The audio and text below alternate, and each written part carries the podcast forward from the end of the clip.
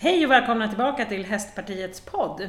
Idag så träffar jag superentreprenören här, konsult i både näringsliv och inom hästnäringen, Nina Fox Stark på Väderstads herrgård. Tack för att jag får komma hit. Välkommen! Tack, det här ska bli jättespännande. Du skriver ju på din hemsida om att det ska vara en medveten utveckling med häst och ryttare och så vidare. Berätta, vem är du och vad gör du? Mm. Jag är eh, en helt vanlig person egentligen, jätteintresserad av hästar och eh, bor här på Väderstad herrgård. Har tre vuxna barn som har lämnat gården så att säga. Eh, har funnits här på gården i ja, 35 år nu. Började redan då när jag kom hit och ha hästar. Mm. ponnyhästar naturligtvis först. Ehm, jag sysslar med olika uppdrag inom näringslivet. Det gör jag kanske ett, ja, 20 timmar i veckan och resten av tiden så har jag elever som jag hjälper med utbildning av deras ridning och eh, deras hästar. Och så rider jag riktigt mycket själv också. Jag har alltid ridit och tävlat men nu, eh, ska säga efter 50 har jag tagit mig riktigt god tid och eh, satsat på tävlingsrida. Gud vad härligt! Ja, det är en sen karriär men eh, nu är den här. Nu är den här, ja. ja. Mm. Vad härligt! Men berätta, vad har, hur många hästar har du? Eh, på gården här har vi väl 12 stycken, Aha. varav eh, åtta är mina egna. Aha. Och jag har köpt några stycken, men jag har också ägnat några år åt att föda upp. Mm. Och det mhm. var rätt så jobbigt ska jag säga. Så vi har en paus nu på uppfödning. Aha. Men vi tog fyra avkommor efter våra egna tävlingshästar. Och det är just dem som jag och vår dotter Charlotte satsar på att ta fram till höga klasser. Mm. Inom dressyr eller ja, hoppning? Både och. Ha? Dottern hoppar och jag rider dressyr. Mm. Så uh, fantastisk känsla att se det här lilla fölet födas och sen tänka att om 12 år rider vi Grand Prix. Det är ungefär så jag tänker. Ja, det är en långsiktig ja. planering. Ja, det är det. Men just att få göra precis allt med hästen. Mm. Från att börja och sätta på grimma Eh, till att leda den, till att fostra den och rida in den och jobba med den. För att jag jobbar ju väldigt mycket med det mentala också, mm. både hos häst och ryttare. Mm. Och då kan jag sätta den prägen på mina hästar. Mm. Och det är faktiskt, det säger många om mina hästar, att eh, de är mentalt starka. Så jag kan tyvärr aldrig skilja på mina hästar när vi gör bort oss på tävlingsbanorna. För de, de, eh, det jobbar jag mycket med.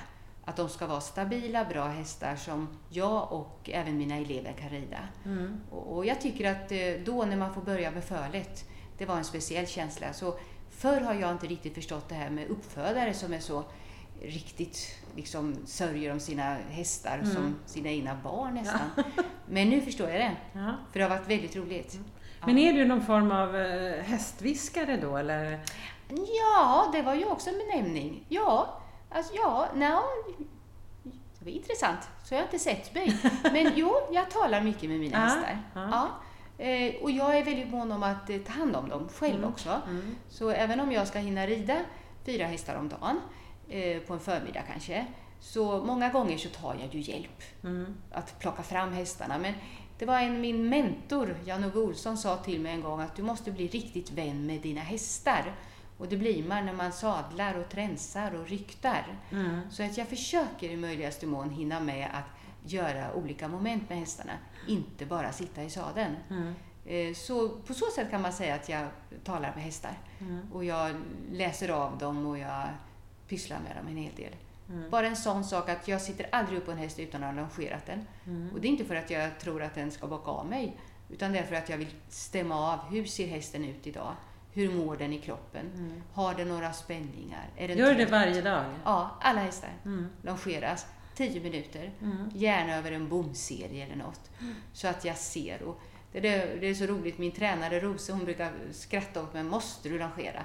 Och det är bara en grej jag gör för mm. att jag läser av mina hästar på ett bra sätt då. Mm. Så ja, alla har vi ju våra sätt ja. att vara tillsammans med djuren men eh, så har jag format det. Ja. Men du jobbar väldigt mycket med tömkörning också?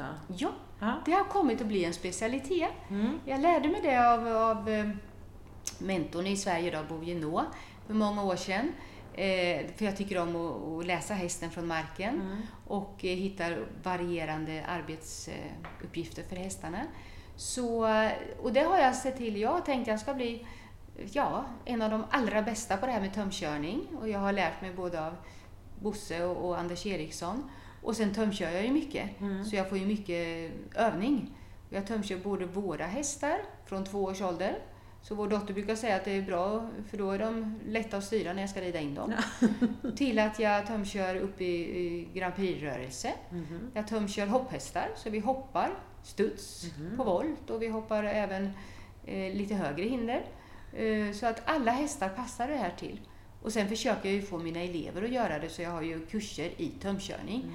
Där de vill ju ofta att jag ska tömköra men jag lämnar ganska snabbt över tömmarna till mm. dem. Och så går jag med dem och de, de tycker det är jätteroligt. Och det är också ett väldigt bra sätt att få motion, brukar jag säga. Mm, mm. Man går nästan 3,5 kilometer har jag räknat ut att man går när man eh, tömkör i 45 minuter. Mm. Ja. Jag tycker det är så svårt för man har ju liksom inga skänklar. Nej, det är just det som är grejen. Ja. Så man kan inte kompensationsrida. Mm. När vi rider, då kompenserar vi med våra skänklar. Mm. Så lider inte hästen en tyg eller tar den inte yttertygen så klämmer vi till med skänken. Men här blir det väldigt tydligt. Mm. Så det är väldigt tydligt eh, vad som eh, brister. Mm. Eh, och så får man hitta olika knep på att kunna komma till rätta med detta. Men eh, det är ett riktigt roligt samspel. När vad är det går... som är absolut viktigast med, eller varför är det så viktigt att tömköra? För att dels att hästen blir väldigt lätt och fint lösgjord. Mm. Och man läser hästen man står ju bredvid eller man går bredvid och man ser hur hästen rör sig. Man ser om den är lösgjord. Mm. Man går inte på känslan bara hela tiden. Man känner ju också, mm. men man, man kan se. Eh, och man får väldigt god kontakt. Och det är roligt för hästar tycker det är rätt så roligt. Mm. Jag upplever ju när eh, hästar som drar vagn tycker det är rätt så roligt. Och det är samma sak med tömkörning. För de slipper ju ha en ryttare som de ska balansera upp. Ja, de, eh, de får ju gå rätt så fritt. Mm. Och, och, behöver inte liksom balansera upp för ryttaren som sitter och studsar där uppe. Mm. Så hade en häst här igår till exempel som var rätt så trög, hopphäst som gick och gick nästan lutas inåt. Och jag tänkte hur ska jag få ordning på den här? Men jag tog den över en bomserie på en volt och höjde upp bommarna lite. Och, och bogarna de kom igång så väldigt och jobbade och ägaren var jätteglad. Mm. För att eh, det kom ju saker som inte hon hade sett förut hästen. Mm. Och den blev piggare och piggare man brukar ju säga att handbromsen sitter i bogarna och motorn i bakbenen. Mm. Och vi fick loss den så fint bara på att tömköra i 20 minuter. Mm. Det var jättefestligt att se. Vad roligt. Men då sa du att det är också bra träning för ryttaren och, och det är ju också en viktig eh, del i helheten för dig, ja. ryttarens mm. eh, träning. Ja. Berätta. Jag tycker det. Jag, eh, jag tycker det, det är vårt ansvar mot hästarna att se till att vi är i fysiskt bra form eh, mycket med att vi har en bra balans mm. och att vi är eh, liksom vältrimmade, om jag får säga så. Eh, dels för att vi ska kunna sitta bra i sadlarna och hålla balansen, som jag sa. har egentligen ingenting med vikt och sånt att göra. Mer att man är en, en bra ryttarkropp, en mm. lagom stark kropp. Man ska absolut inte vara jättestark som ryttare man ska ju rida på teknik. Mm. Så det har inget med egentligen styrka att hålla ihop hästen. Men att framförallt att man med en bra musklad kropp som ryttare så kan man hålla balansen väldigt bra på mm. kroppen. Och man behöver inte sitta och knipa med knäna och hålla om för fullt utan man kan lätta på, på skänklarna och man kan vara fin i handen och sitta stadigt på dem. Mm. Och det är ju rätt så jobbigt också att rida och man sliter ju på kroppen. Mm. Så vad jag menar med att köra regelbunden konditionsträning och styrketräning. Mm. Och speciellt vi kvinnor som kommer upp i åldrarna lite, där är ju styrketräningen viktig för mm. att vi ska orka hålla på. Mm. Många säger ju att jag får så mycket jobb i stallet när jag kör kärror och bär vatten. Ja. Men det är jättebra, men tänk på hur du bär. Bär du inte med högerhanden hela tiden, vattenhinken? Det, ofta gör man ju så, och man mm. ser många i stallarna som är rätt så snea i kroppen. Och, och, det kommer ju bli så när man sitter på hästen också. Så några gånger i veckan, små korta fina pass. Man behöver absolut inte åka på gym. Utan jag hjälper mina elever här med små korta 15-20 minuters pass med rörelser helt utan några redskap. Mm. Du kan göra dem innan du sitter upp på hästen. Du kan göra dem i stallgången och du kan mm. göra dem ute på en gräsmatta. Men det är bara det där regelbundna. För vi begär ju faktiskt väldigt mycket av våra hästar. De mm. ska vara starka och de ska vara balanserade. Men vi har inte funderat så mycket på vår egen fys. Man är själv i Grand Prix-form. Ja, precis. precis det är jättebra. Eh, nu vet jag att många ryttare börjar och eh, har mer och mer fysträning. Men det är något man kan göra ännu mer av, det tycker jag verkligen. Mm. Men du är ju eh, inte bara mm, ryttare, du är konsult i näringslivet. Du är också triathlon eh, människa. Ja, det är och hur hinner du med då, tänker jag? För det är ju också någonting som eh, är ganska mycket träning bakom. Ja, det är det. Men jag sätter mina mål realistiska. Det tar lite tid för mig att springa triathlon. Det är inte så att jag måste ha de bästa tiderna. Utan jag är nöjd om jag kan vara med. Mm. Så har jag tänkt i mitt idrottande. Jag har sprungit tjejmilar och lite klassiker och allt möjligt. Men det är ju inte så att jag siktar högst där. Det gör jag mest som, jag måste säga, jag springer varje morgon. Mm. Och det är mental avkoppling för mig. Det går inte särskilt fort. Men det, jag håller igång min kropp. Jag gör mina fysträningsövningar där ute i skogen. Och det är mental avslappning. Mm. Och sen tror jag det är bra att vi ryttare gör något annat också. Och det är rätt så roligt att testa sig. Vi tävlar ju mycket på tävlingsbanorna med våra hästar. Men det är rätt så roligt att testa om man vågar hoppa i och simma den där milen och en halv eller vad det är. Mm. Och man hoppar upp på en, cykel och cyklar iväg med andra människor några mil. Och, och, springa där och komma upp på ett upplopp och ta i lite själv. Det är så roligt att testa. Mm. Och sen en härlig gemenskap i andra idrotter också. Mm. Eh, ofta är man ju ett gäng som tränar ihop och man kanske kör en lag-triaton där en springer och en simmar och en cyklar. Det är lite rolig gemenskap. Mm. Och jag har väl prioriterat det i mitt liv. Jag rider, jobbar där jag behöver och sen kör jag mina sporter. Spelar inte golf till exempel, spelar jättelite golf. Ja. Det tar ju annars väldigt mycket tid. Men jag kan det så att jag kan gå med på en runda om någon bjuder med mig. Mm. Eh, jag gör inte så många andra saker än att, att hålla på med de här. Och sen har jag mitt barnbarn också som jag tar hand om ibland. Men hoppas vi att den vill börja rida så småningom, så den kan vara här på gården. Men ja. det har väl blivit så att den här gården, vi har byggt upp den till en, en trevlig anläggning och det är här vi vill vara. Så då Här tar du också så. emot utbildning av hästar och ja. ryttare, man kan komma hit mm. på en liten kurs. Och... Ja, jag har det. Jag har ju elever som kommer regelbundet, ja. en till två dagar i veckan. Ja. Och sen har jag gjort just de här, en kurs som heter Bäst på helheten. Mm. Och det har blivit populärt.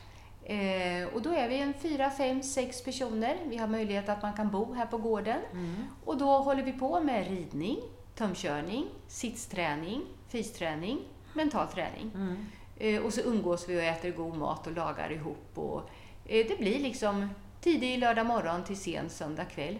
Men det blir en helhet och vi hjälps åt med alla sysslor. Och just, det blir lite coachning mellan deltagarna mm. märker jag. De hjälper varandra och, och de sitter på läktaren. Liksom, det är lite obligatoriskt, man ska titta på sina medryttare. Mm. Man sitter där och man hjälper och man hejar på. Och man kommer med, med feedback. Så jag bygger upp det så att vi, vi ger varandra feedback. Och sen så, just den här då Bäst på helheten, den kursen har blivit så att eh, vi har en, en grupp där alla som går på de här kurserna finns med. Mm. Och då har vi mellan tillfällena vi träffas har vi så att vi peppar varandra. Och vi kan, nu har jag till exempel bestämt, nu ska jag åka på programridning om en vecka. Då skriver jag i den gruppen, jag är där då, vill ni komma så kom så hjälper jag er. Mm. Och, och, inte bara att jag hjälper dem utan helt plötsligt så hjälper alla varandra. Mm. Så det blir en rätt så härlig eh, stämning. Ja. Eh, och, och, jag tycker man kan göra så, man kan verkligen bygga upp det här. För ridning är ju en rätt så ensam sport. Mm. Eh, och det blir rätt så tråkigt. Jag, jag pratar mycket om det här med att motivera sig själv och speciellt nu under coronatiden. Mm. Vad är det som motiverar oss när vi inte får tävla? Det har ju varit ett litet dilemma för ja, många. Eh, det är ju många som inte rider om de inte får tävla. Mm. Eh, och då har vi pratat mycket om det här hur man motiverar sig själv. Och det är ju ofta, det som, man brukar säga att det som motiverar en människa det är att man är med i ett sammanhang. Och att man är delaktig och att man får bestämma. Mm. Självbestämmandeteorin har man ju nu kommit fram till inom motivation, att den är jätteviktig. Och då försöker jag skapa den här helheten, att de känner att de är med och vi har en, en, en gemenskap. Och man, man eh, är i en härlig atmosfär. Mm. Och då, då, brukar bara det motivera till att man ska rida det där passet en kall vinterkväll för att komma vidare. Va? Mm, mm. Så det är väl så jag försöker bygga upp det. Mm. Att uh, man har en tillhörighet. Mm. Och speciellt nu märker jag under coronatiden här att uh, folk har behov att höras av. Och jag har ju haft det, jag har ju en sån um, anläggning så att här är det inte mycket människor. Så här har ju folk kunnat komma och jag har ordnat så att uh, en häst i ridhuset och aldrig att de går in och möter varandra utan man har kunnat komma man har, jag har lagt eh, träningarna med en och en halv timmes mellanrum för att de ska kunna komma och lämna eh, utan att träffa andra. Mm. Och vi har ingen jätteläktare, vi har en pytteliten läktare och där får en sitta. Så eh, de har känt sig trygga, märker jag. Mm. Det är flera som har kommit och tränat för de känner att det är inte så mycket folk här. Mm. Och det är ju en förmån och, och, och, så håller vi vår anläggning. Det här är ju en anläggning där jag och min familj rider och sen har vi ett antal elever. Mm. Men det är inte så att det kommer så mycket folk. Tar du även in hästar för jag tänker utbildning eller inridning? Ja, det, för några år sedan gjorde vi det väldigt mycket. Vår dotter ja. hade ett eget företag och red in hästar. Ja. Men jag tror efter 27 hästen så sa hon nu ska jag börja läsa istället. så hon red in det under tre års tid. Mm. Hon lärde sig jättemycket. Hon mm. är en riktig entreprenör. Så hon lärde sig verkligen det här med att jobba med hästar. Mm. Ett system man blir ju en bra, man blir bra på att leda sig själv när man håller på med hästar. Mm. Och det blev hon just under den tiden när hon fick ta emot alltså helt ohanterade hästar. Mm. Till att det var en, en eh, kritisk ägare som skulle ha den utbildad snabbt och kvickt på en månad. Mm. Så hon fick lära sig en hel del att handskas med människor och hästar. Mm. Och jag har ju alltid funnits med i bakgrunden och varit medhjälpare. Mm. Men det är hon som har lett det hela mm. i sin form av en yngre ryttare. Mm. Eh, men jag tar emot idag också eh, hästar och ibland eh, kanske inte treåringar själv nu. Då har jag en person som hjälper mig med här, en ridlärare mm. som är på vår anläggning. Hon och hennes medryttare rider in de hästarna vi har här. Mm. Mm. Och jag finns med och hjälper till så att säga med tömkörning ja. med de delarna, löshoppning. Men sen har jag en annan idé, att jag tar emot min elevers hästar. De får ställa upp de här en vecka eller två. Och då kommer de hit och tränar och så rider jag också hästarna. Mm -hmm. Och då kommer vi så mycket snabbare framåt. Mm. Och det tycker de om. Mm. Och då får till exempel under vintern nu, det är många som inte har ridhus, då får de vara här. Hästarna, vi tar hand om dem. De kommer hit efter jobbet eller eh, när de mm. har jobbat klart hemma och har en trevlig gemenskap. Är mm. inte själva ute på någon kall, isig bana utan är här i den här gemenskapen. Så det har blivit mitt koncept. Kanske inte ha hästar i två månader utan en eller två veckor. Mm. Och jobba både med häst och ryttare då. Mm. Det är ju så vi kommer vidare. Mm. Många ryttare de ställer ju hästarna hos någon proffsryttare, någon beridare. Och sen så rider den här proffsryttaren i två månader. Men det är ju inte säkert att det passar ägaren. Nej. Utan jag försöker hela tiden titta på vad är det för ryttare som ska rida den här hästen. Mm. Och då kanske det är en trevlig medelålders kvinna som vill ha det trevligt att rida upp i lätt A-dressyr. Då försöker jag ju forma hästen efter det. Mm. Och inte rida den som en Grand Prix-häst, om vi säger så. Ja. Med den powern.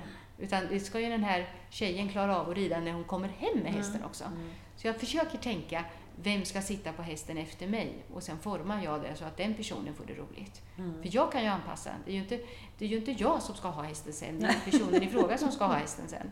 Ja, mm. jag tänker det är ju mycket det som du säger att man vill vara med i ett sammanhang. Mm. Och du jobbar ju en hel del med mental träning. Och är det någonting som du också gör i näringslivet då som pratar om helheten. Jag tänker, kan man omsätta arbetet i hästvärlden, alltså den delen att, som du sa, din dotter, att leda sig själv i ett ledarskap in i näringslivet? Mm, det tycker jag. För jag funderade faktiskt på eh, den frågan när jag höll på med hästarna i morse. Vad är det som jag är bäst på? Är det helheten eller detaljerna? Man brukar säga det i ett ledarskap och när man är på ett företag, när vi pratar. Jag jobbar ju med förändringsarbete mm. när jag är konsult. Mm. Det har blivit min grej. Eh, och eh, då helheten eller detaljerna, vad är det som kommer först? Mm. Och för ryttarna, det är faktiskt ofta detaljerna som mm. kommer först. Och det är detaljerna som formar helheten. Men ibland funderar jag på, men först ser jag helheten, sen kollar jag in detaljerna. Och det här är ju, ryttare är ju fantastiska på att organisera upp sin tillvaro. De har rejäla rutiner och de planerar. Alltså ryttare är riktigt bra, för annars funkar det inte. Mm. De ska ju inte bara ha hand om sig själva, de ska ju ha hand om en häst också, eller två eller tre. Så vad jag upplever att eh, dels när jag pratar med människor som håller på med hästar så är de rätt så skickliga inom näringslivet också. Mm. Och, och om vi tittar på alla dessa unga tjejer framför allt Mm. som har hållit på mycket och jag brukar säga att de som har hållit på på ridskolor, de är de bästa. Mm. För de har ordning och reda på sig. Det är inga diskussioner. Och det är inga föräldrar som hjälper till där. Utan de har verkligen fostrats på ett Mm. bra sätt. Eh, Så tycker jag att man kan översätta väldigt mycket in i att man säg är en chef på ett företag. Du ska få människor att samarbeta. Det är som att få hästar att göra som man vill. Du ska kunna föra dialog med alla. Eh, Du ska kunna få ihop ett bra team. Varje ryttare har ju ett team omkring sig av hovslagare, veterinärer, eh, mammor och pappor, sponsorer, eh, hästägare, tränare. Och det är ungefär som att få ihop ett bra team på en kundserviceavdelning Mm. Mm. eller försäljningsavdelning. Så att eh, jag faktiskt använder det som en liknelse. Och jag har faktiskt en kurs som heter Hur att få 600 kilo och göra som du vill. Mm. Och då har jag just personer från näringslivet som får komma och jobba med mina hästar. Mhm. Och, och kursen börjar så att vi släpper dem lösa i ridhuset. Och sen får de springa där och så brukar jag fråga Människorna eller hästarna? hästarna. Och så står de där, eh, ibland är det kostymklädda herrar som kommer hit. Jag brukar säga åt dem att ta med sig jeans och sådär. Men då står vi där och bara diskuterar, vem är det som är ledaren i den här gruppen? Mm. Vad är det här för typ av personligheter på de här hästarna? Och vem skulle du vilja samarbeta med? Och då blir det lite roligt. Där är den där som ställer sig i ett hörn och tjurar och där är den där som bara springer omkring och biter alla och skäller på alla. Mm. Hästen biter och chefen skäller. Är du med? Och sen så hur, hur man sen får hästen att följa dig utan att använda träns och grimmer och så, Mm. utan de, med sitt kroppsspråk. Så att, Man får inte ha godis som utan. nej, det får man inte heller. Nej, nej, utan man ska lista ut hur man ska få hästen. Och det här vet jag ju att det finns folk, folk som har väldigt avancerade kurser i det här. Mm. Och det är jätteroligt. Och det är det jag tycker är så kul inom, om hästnäringen kan än mera komma ut. Mm. Och att man jobbar i näringslivet med djur. Eh, med hästar och med hundar vet jag att det finns också. Och, och, så jag ser många liknelser och, och det är ju så. Jag vet att jag, det är en kvinna eh, som har forskat just på det här att eh, hästmänniskor, ungdomar som sen kommer upp i arbetslivet blir duktiga ledare. Mm. Eh, finns på Luleå universitet. Jag har läst hennes avhandling och så vidare. Jätteintressant. Jag har hört henne på, på ledarskapsutbildningar och så. Så att eh, mycket. Om man håller på med djur och kan få djur att göra som man vill, Mm. brukar jag säga, då kan man ofta få människor att göra som man vill. Mm. För man kan inte peka med hela handen till en, en häst, det går inte. Utan man måste få den att vilja göra det. Ja. Men jag tänker hästnäringen och ridsporten framför allt Mm. är ju väldigt mycket tjejer. Ja. Och som fostras då till att bli väldigt Ja. bra ledare. Men upplever du, har du varit med om och hur upplever du generellt? Tänker när man kommer ut i näringslivet där du, du pratar Mm. om de här kostymklädda herrarna Ja. i ridhuset. Blir det liksom eh, kulturkrockar eller är det svårigheter? Är det andra hierarkier? Är det... Jag, jag kan uppleva ibland att, eh, att, att en del män har svårt att ta kvinnor som är så pass raka Mm. och ärliga som en ryttare är. För att vi är ju vana, vi är fostrade på ett visst sätt i stallet. Mm. Eh, Vi kan ta order och direktiv. Och jag kanske, bara om jag tänker på mig själv eh, som chef ibland i näringslivet så kan jag vara kanske väl rak på sak. Mm. Väl tydlig. Mm. Jag, jag, jag menar, om du har en häst då kan du inte förhandla med den hela tiden. Jag kanske, jag kanske inte... Det, det är liksom bara, det är så det är. Ja. Ordning och reda. Mm. Nu kör vi. Mm. Och eh, jag har väl en del eh, chefer, kvinnliga chefer, som jag coachar. Som jag nästan får säga till att kan du inte ta och vara lite mjukare? Ja. Lyssna på herrarna. Fika lite mer. Ja, fika lite mer. Du behöver inte ha, vara så väldigt strukturerad och planerad. Smält in. Och du behöver inte ha allting gjort på förmiddagen. Utan eh, var lite mjukare. För att eh, ridningen är en, en, en väg som fostrar väldigt bra. Men kanske, eh, om vi säger så här, en kille som har spelat fotboll har kanske fått ta mer hänsyn till sina lagkamrater än vad en tjej som är fostrad i ett stall har gjort. Ja, just det. En, en, en ryttare är inte alltid en lagmedlem, för den kör ju sitt race. Mm. Samtidigt så är man ju ett lag i stallet, tänker ja, man. Man ska mm. fixa och dona ja. och mocka. Och... Men en lite annan typ av ja. lag. Ja. Eh, det kan jag nog säga. Vi har ganska mycket konkurrens mm. inom ridningen. Mm. Jag vinner eller du vinner. Det är inte laget som vinner alla Nej. gånger. Eh, man blir bedömd efter sina resultat. Jag brukar säga, jag har resultatmål, det är att vinna en klass. Mm. Prestationsmål, det är att rida på en viss procent. Mm. Och känslomål, det är att ha en fin känsla genom ritten. Men vi blir bedömda på resultatmål, om vi vinner eller ej. Sätter du alltid upp de här tre olika målen ja. när du ska på tävling? Mm, jag gör det. Är det viktigt att sätta mål? Ja, det tycker jag. Och, och mina elever gör det också. Mm. Och så är det så roligt, för sen hörs vi. Och två av två, två av tre, tre av tre, eller mm. inget av tre nådde jag idag. Mm. Så jag kan åka från en tävling. Det är jättekul om jag har fått en, en, en rosett. Men jag kan också tänka, att ah, jag nådde mina 65 procent. Eller jag kan tänka, oj vilken fin känsla jag hade. Ja. Även om inte domaren såg det. Ja.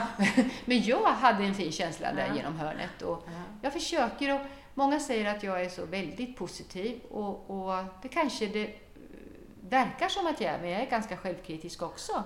Och jag misslyckas i, inom det mentala, inom ridningen också. Men jag försöker sätta väldigt realistiska mål. Mm. Eh, och eh, kanske inte tävlar så mycket. För att jag har inte så stort behov av att tävla. Det är inte det som är grejen för mig, utan jag, mitt behov är ju att komma upp till Grand Prix. Ja. Då ska jag kvala. Mm. Eh, men eh, hade jag kanske varit yngre hade jag varit, tyckt det var ännu roligare att åka på meetings och mm. vara ute och så vidare. Nu mm. är det mm. mer en, ett system att komma till mitt slutmål. Ja, eh, men jag sätter strategi. upp mål, det gör jag. För annars vet jag ju inte om jag ska vara nöjd när jag åker hem eller ej. Nej. För det är så väldigt lätt att bli missnöjd. Mm. Och man tänker väldigt mycket på det som gick fel. Det som idag, jag har tränat tre Hur hästar. Hur hanterar du eh, när det går fel och vad är ditt bästa tips till någon som upplever att nu åker man hem från tävlingen och det här gick ju skit? Mm. Jag har tre frågor jag ställer till mig själv och till mina elever efter varje ritt. Eh, har det gått jättedåligt så kanske jag väntar med de här frågorna men först och främst, vad var det som var bra? Mm. För det är faktiskt alltid något som är bra. Även om det bara var skritten, ökade skritten som var bra, alltså, eller inridningen var bra, något är alltid bra. Mm. Lite grann för att se att något var ju faktiskt bra. Och sen frågar jag, istället för att fråga vad var det som var dåligt, mm. då frågar jag vad skulle jag kunna gjort bättre? Det blir en helt annan inställning till mm. den. Och sen så funderar jag på om jag skulle kunna gjort så, jag skulle kunna gjort det bättre, jag skulle kunna gjort det bättre. Och sen kommer den sista frågan, hur ska jag göra det? Då är man igång. Mm. Så man inte bara lämnar det här med att Gud vad dåligt det gick. Mm. Utan hur ska jag nästa gång mm. göra det bättre? Och vad ska jag göra under träningen nu i två veckor för att få till den där galoppfattningen och så mm. vidare. Mm. Och då släpper man det eventuella misslyckandet och går vidare. Mm. För då är man ju på gång. På vägen hem är man ju igång. Och det är klart, jag ältar ju också ibland. Det är klart jag ältar. Och man, tusan att jag gjorde den där missen, om det är en konkret miss. Men om, om det är bara en allmän tråkig stämning, då tycker jag det är så himla bra. Släpp det, gå vidare. För det som har varit, det har varit. Du kan inte göra så mycket åt det. Men det är ju det som är jobbigt idag på, med, med Equip och så vidare. Alla vet vad man har gjort. Jag mm. märker ju idag, speciellt på ungdomarna, har de misslyckats så jag menar, de får ju på Facebook och Instagram två minuter senare mm. en kommentar. Mm. Eh, så det är väldigt stor jämförelse. Mm. Och, och, jag tror många nästan har blivit eh, lite rädda för att tävla ibland, för att, rädda för att misslyckas. Eh, så det är ju lite synd. Och, och, det är ganska hård press i den här eh, sporten. Det är aldrig mm. någon som skriver något, oj vad dåligt det gick idag, utan alla visar ju bara upp rosetter på sociala medier. Men det har jag faktiskt tänkt på, en rolig grej. Eh, jag kan ibland gå ut i för höga klasser. Eh, och så tänker jag, det är ingen som tänker på om man rider lägre klasser, bara man får en rosett. Ja. Det är festligt va? Många skriver inte ens vad de rider för klasser, utan Nej. här är en rosett. Ja, och då har den lyckats. Medan någon annan kanske gick upp i eh, en väldigt svår klass och fick 62 procent. Och den är ju minst lika glad fast den hade egentligen ingen chans mot de andra Nej. som har tävlat där i ett Nej. år eller två.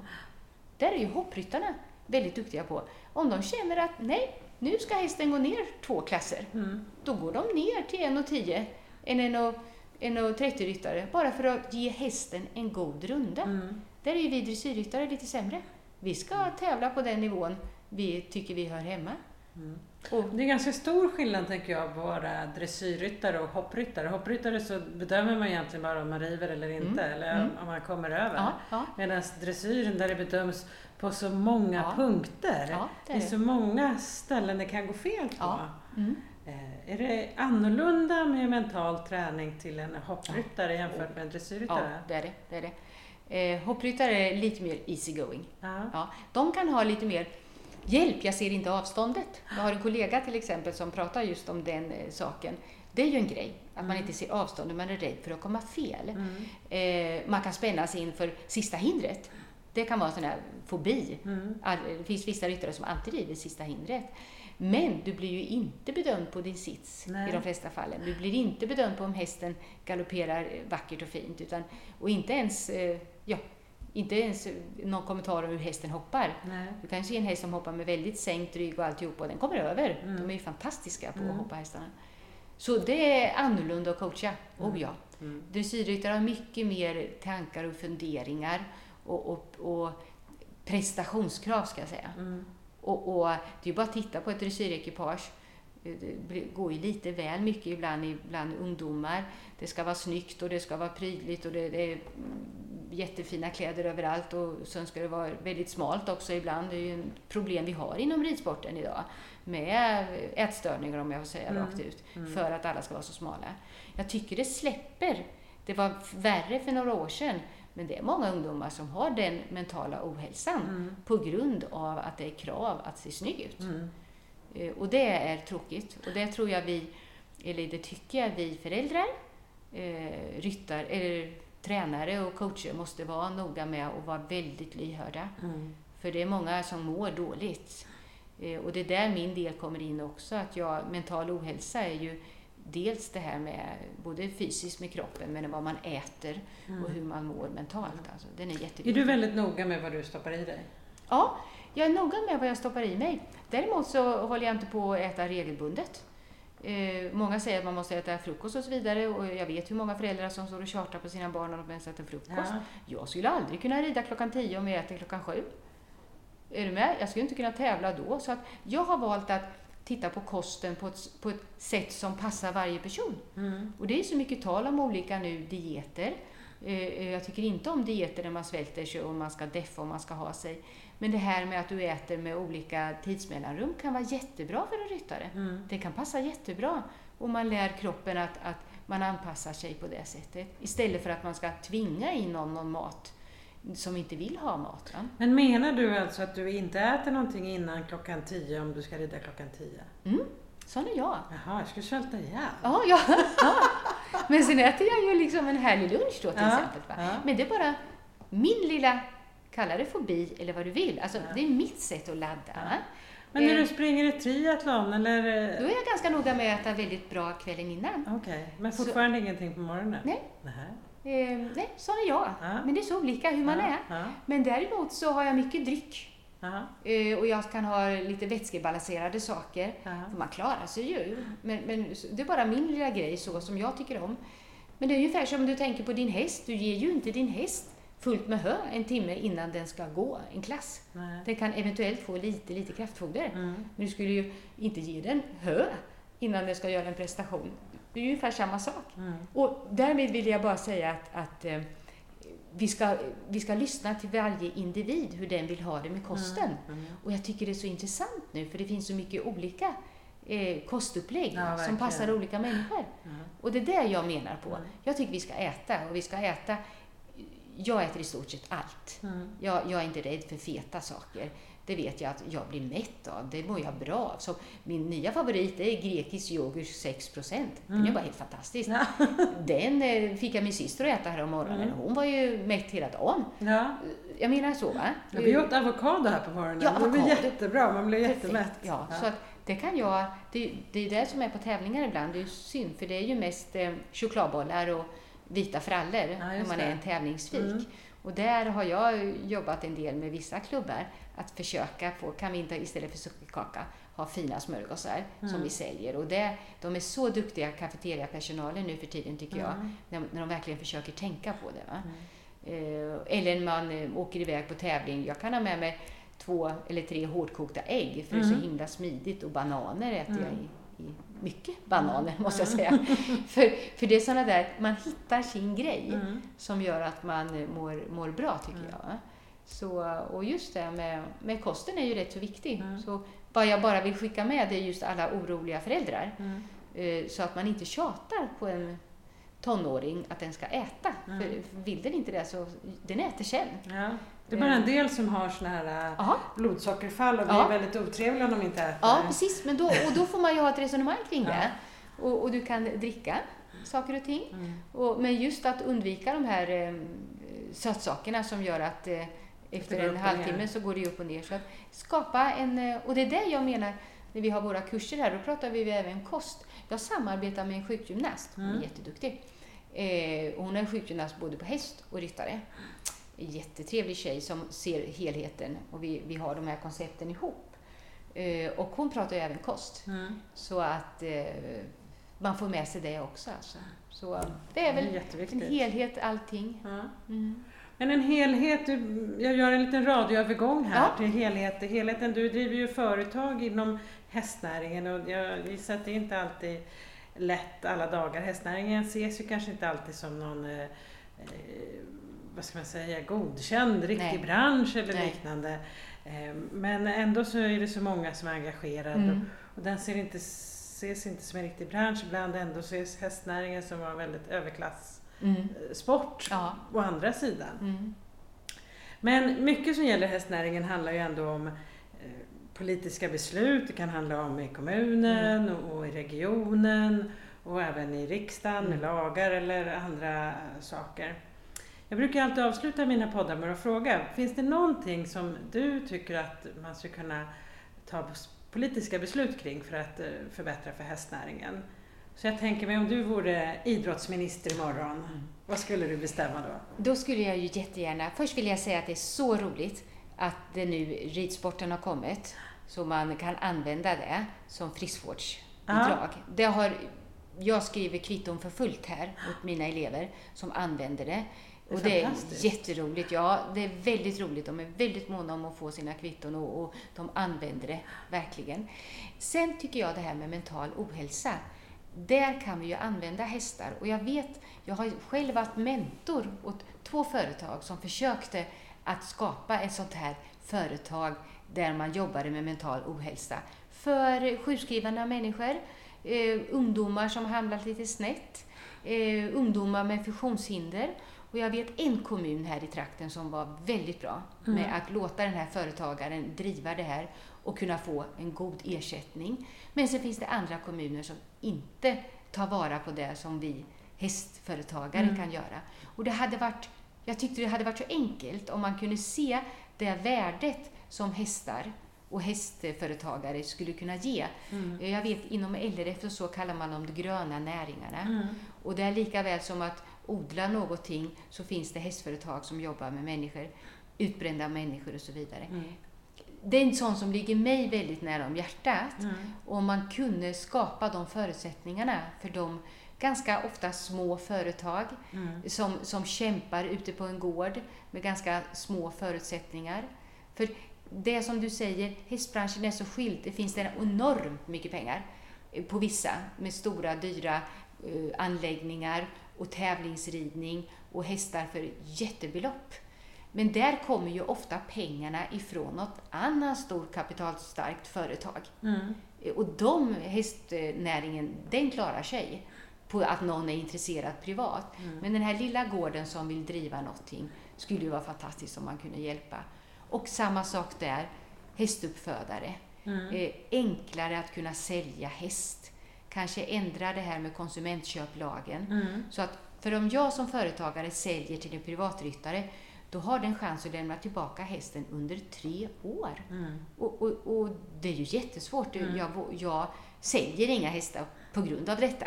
Det är så, så att du har slutat att sälja till privatpersoner? Jag säljer inte häst. Det är ju förskräckligt ja. egentligen. Det blir ju en väldigt eh, mm. liten marknad för privatpersoner. Ja, ja det blir det. Jag, jag, är inte glad till att sälja till en privatperson för att det är för stor risk Aha. att jag får tillbaka den. Jag vet ju inte vad den gör med den hästen i tre år. Nej. Och sen eh, får man tillbaka den och det kan bli dyra rättegångskostnader och ofta är det hästföretagaren som råkar illa ute. Mm. Det, jag ser det gång efter gång. Mm. Så om det gick att underlätta där, det är ju mm. ändå ett djur som kan förändra sig. Ja, det är ju ingen kylskåp. Nej, då hade det varit, eh, det hade varit mycket lättare att sälja till privatpersoner. Ja. För det är väl så nu så här under Corona har man ju ändå märkt att det har blivit en hästbrist ja, i Sverige. Mm. Många som vill ha hästar ja. märker att de har tid att vara hemma. Ja. Vilket också har skapat kanske på sina håll en oseriös marknad. Ja, det kan man nog säga. Det, jag har elever som har letat hästar länge, de hittar inga. Nej. Och vad de gör då, det är att de åker utomlands mm. och köper hästar. Och, och, eh, det är en stor industri utomlands. Och eh, det går att köpa häst utomlands, det går jättebra. Men då ska man veta att vi har, det är lite andra förhållanden som hästarna föds upp. Mm. Eh, lite andra syn på hästar. Eh, det är inte de allra bästa som kommer till Sverige. Om det är ett lågt pris på hästen skulle jag nästan inte köpa den om den kommer ifrån utlandet. För det finns ju ingen möjlighet att en häst från utlandet som ska fraktas till Sverige och det ska vara det ena och andra kan säljas till ett alltför lågt pris. Nej. Då är det något med den hästen som, som gör att det kanske inte alltid var så lätt att sälja den i mm. hemlandet. Så mm. att, eh, jag tycker om att vi håller oss... Eh, visst, jag har också köpt häst utomlands. Mm. Men det var en av mina sämre affärer. eh, när jag köpt i Sverige så har jag vetat bakgrunden och jag har mm. känt till uppfödaren. Och jag vet att den är uppfödd på ett väldigt sunt och bra sätt oftast. Ja. Så därför är ju jag mån om att värna om våra svenska uppfödare. Mm. Men att göra förhållandena lättare för dem helt enkelt. Mm. Det känns som att du skulle ha mycket att göra den här dagen när du skulle vara idrottsminister. Men ja, jag ja. tror att det skulle vara en väldigt produktiv dag. Ja, ja. Hästminister kan väl jag ta och bli. Eller hur? Ja, det vore fantastiskt. Men Nina, stort tack för att jag fick komma hit och fantastiskt att få träffa dig och höra om din verksamhet. Jag tänker om man skulle vilja läsa mer om dig för de som lyssnar, var, var gör man det någonstans? Då, jag, har, jag har en hemsida mm. som heter ninafoxstark.se mm. och så finns jag på Facebook mm. Och jag finns lite grann på Instagram. Eh, och eh, jättegärna bara höra av sig, skriv ett mejl om man vill veta mera. Mm. Och, och, jag finns ute i landet och har kurser mm. eh, och coachar. Och jag har lärt mig det här digitala. Mm. Så jag har träningar både över Ridesam, mm -hmm. Facetime, mm. Teams och Zoom. Wow! Så ja, det, ja, det, det, är helt fantastiskt hur det här går att använda. Mm. Men Ridesam är en jättebra app Mm. som man kan eh, använda sig av. Och där finns det även webbinarium. Jag ska ha ett webbinarium där nu i maj mm. om hur man motiverar sig själv. Så att eh, det finns liksom lite överallt. Det är nog bara att googla på mitt namn, mm. för det är inte så många som heter Fox Stark. Så kan man läsa om vad jag gör och var jag finns någonstans. Jaha. Nej, men det måste ju vara fantastiskt att heta stark och vara så stark som du nu berättar om alla de här sakerna. Så stort tack för att jag fick komma. Och ni som lyssnar, håll utkik för nästa vecka kommer ett eh, nytt spännande program. Så håll i hatten och nu jobbar vi för att förbättra hästnäringen. Tack, hej!